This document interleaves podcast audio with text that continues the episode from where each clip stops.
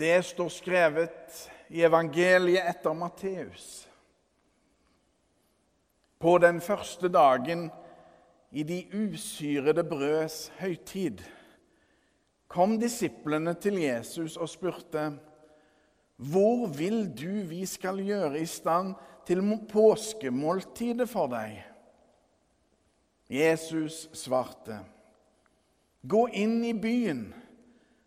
Til den mannen dere vet, og si til ham:" Mesteren sier, Min time er nær. Hos deg vil jeg holde påskemåltid med disiplene mine. Disiplene gjorde som Jesus hadde pålagt dem, og de gjorde i stand påskemåltidet. Da det ble kveld, tok Jesus plass ved bordet sammen med de tolv.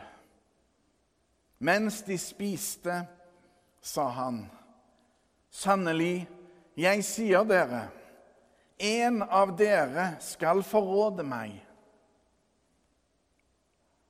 Da ble de dypt bedrøvet, og den ene etter den andre sa til ham, Det er vel ikke meg, Herre?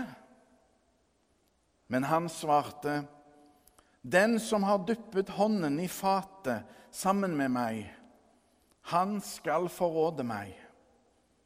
Menneskesønnen går bort, som det står skrevet om ham. Men ved det mennesket som forråder menneskesønnen. Det hadde vært bedre for det mennesket om det aldri var født. Judas han som forrådte ham, spurte da, 'Det er vel ikke meg, rabbi?' 'Du har sagt det', svarte Jesus. Mens de holdt måltid, tok Jesus et brød, takket og brøt det, ga disiplene og sa, 'Ta imot og spis. Dette er min kropp.' Og han tok et beger, takket, ga dem og sa, Drikk alle av det, for dette er mitt blod, paktens blod, som blir utøst for mange, så syndene blir tilgitt. Jeg sier dere, fra nå av skal jeg ikke drikke av denne frukten av vintreet før den dagen jeg drikker den ny sammen med dere i min fars rike. Da de hadde sunget lovsangen, gikk de ut til Oljeberget. Slik lyder det hellige evangelium. Gud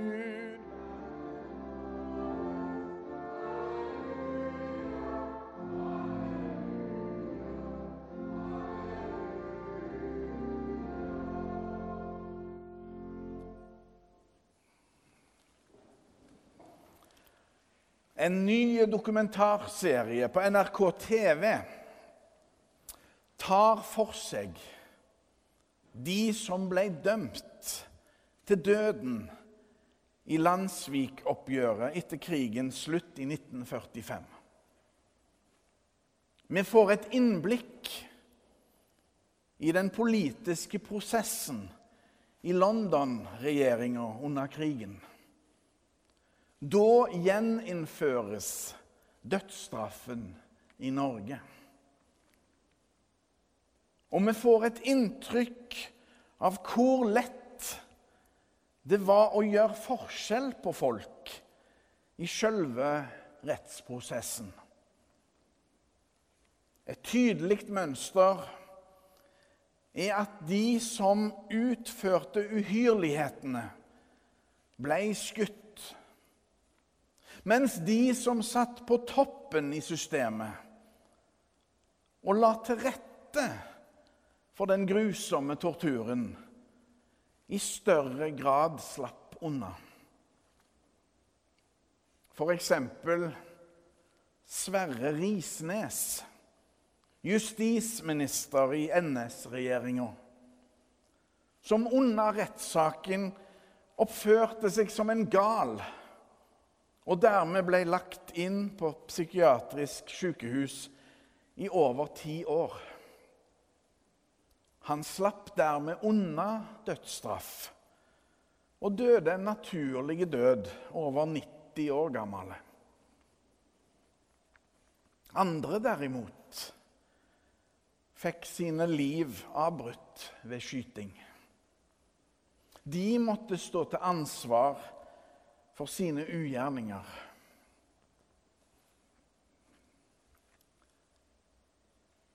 Ordene henger i lufta. De er aldri før blitt sagt. De er dristige og nye. Brødet og vinen omgjøres usynlig for øynene på disiplene og de spiser og drikker. Fordi han som er mesteren deres, sier at de skal. De forstår ikke mye av det Jesus sier om brødet og vinen. Men de gjør det likevel. De tar imot. Det er natt natta med den nye tida. Tida for en ny pakt mellom Gud og mennesker. Tid for ei nye tid. Tid for Gud og hans redning for oss hjelpeløse mennesker. Ingenting kan bli som før. For alt er forandra. De spiser og drikker midt i det mørkeste mørket.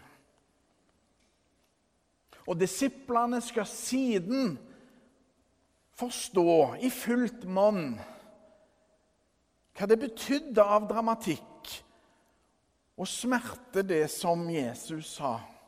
Min time er nær.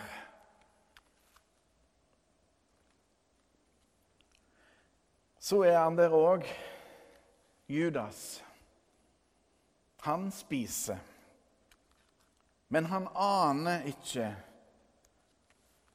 hva de nærmeste timene vil bringe. Fruktene av forræderiet kjenner han ikke. Angeren og sjølforakten ligger der som ei bombe, klar til å sprenges overveldende og ødeleggende. Judas, han er som en av oss, ikke annerledes.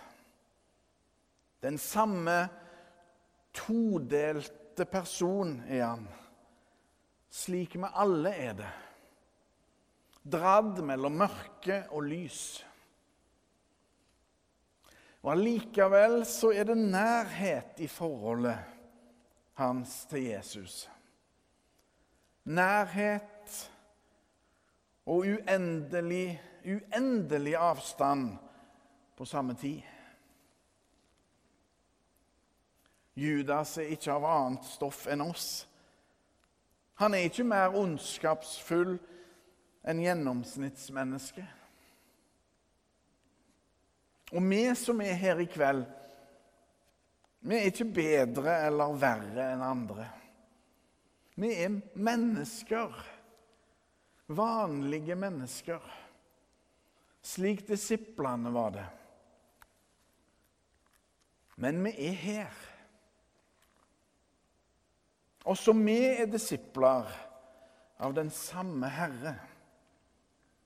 Han som lot de små og svake taperdisiplene sine bli til noe helt annet.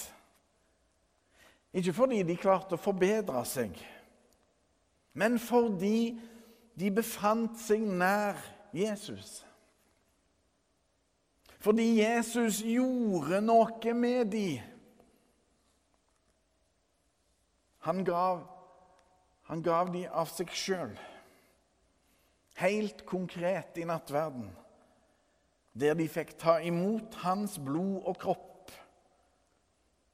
Judas var òg der og spiste. Kanskje trengte han nattverden mer enn noen annen. Gud vet. Vi er alle sett, avslørt og elska.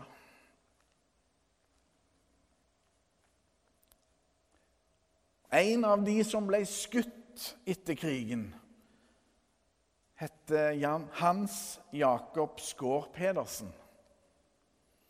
Han var sjef for statspolitiet i Stavanger og hevda at han slo norske fanger for å redde liv.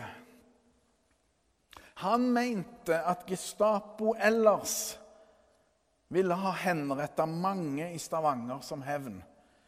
Og slik skjedde altfor ofte den gangen under naziregimet. Og Skår Pedersens mistanke ble faktisk bekrefta noen år etter krigen.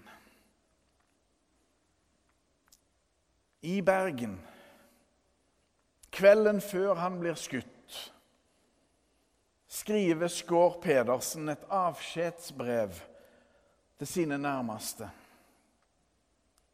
Han skriver til slutt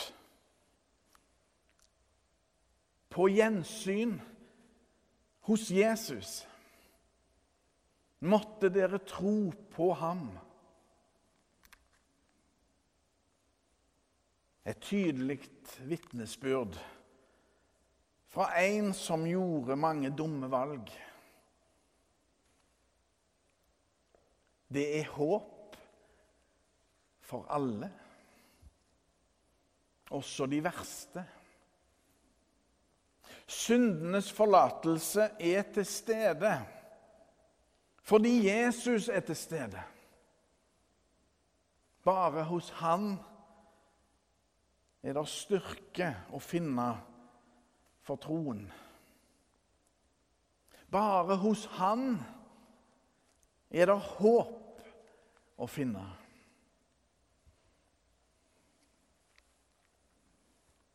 Ære være Faderen og Sønnen og Den hellige ånd, som var, er og blir en sann Gud fra evighet og til evighet. Amen.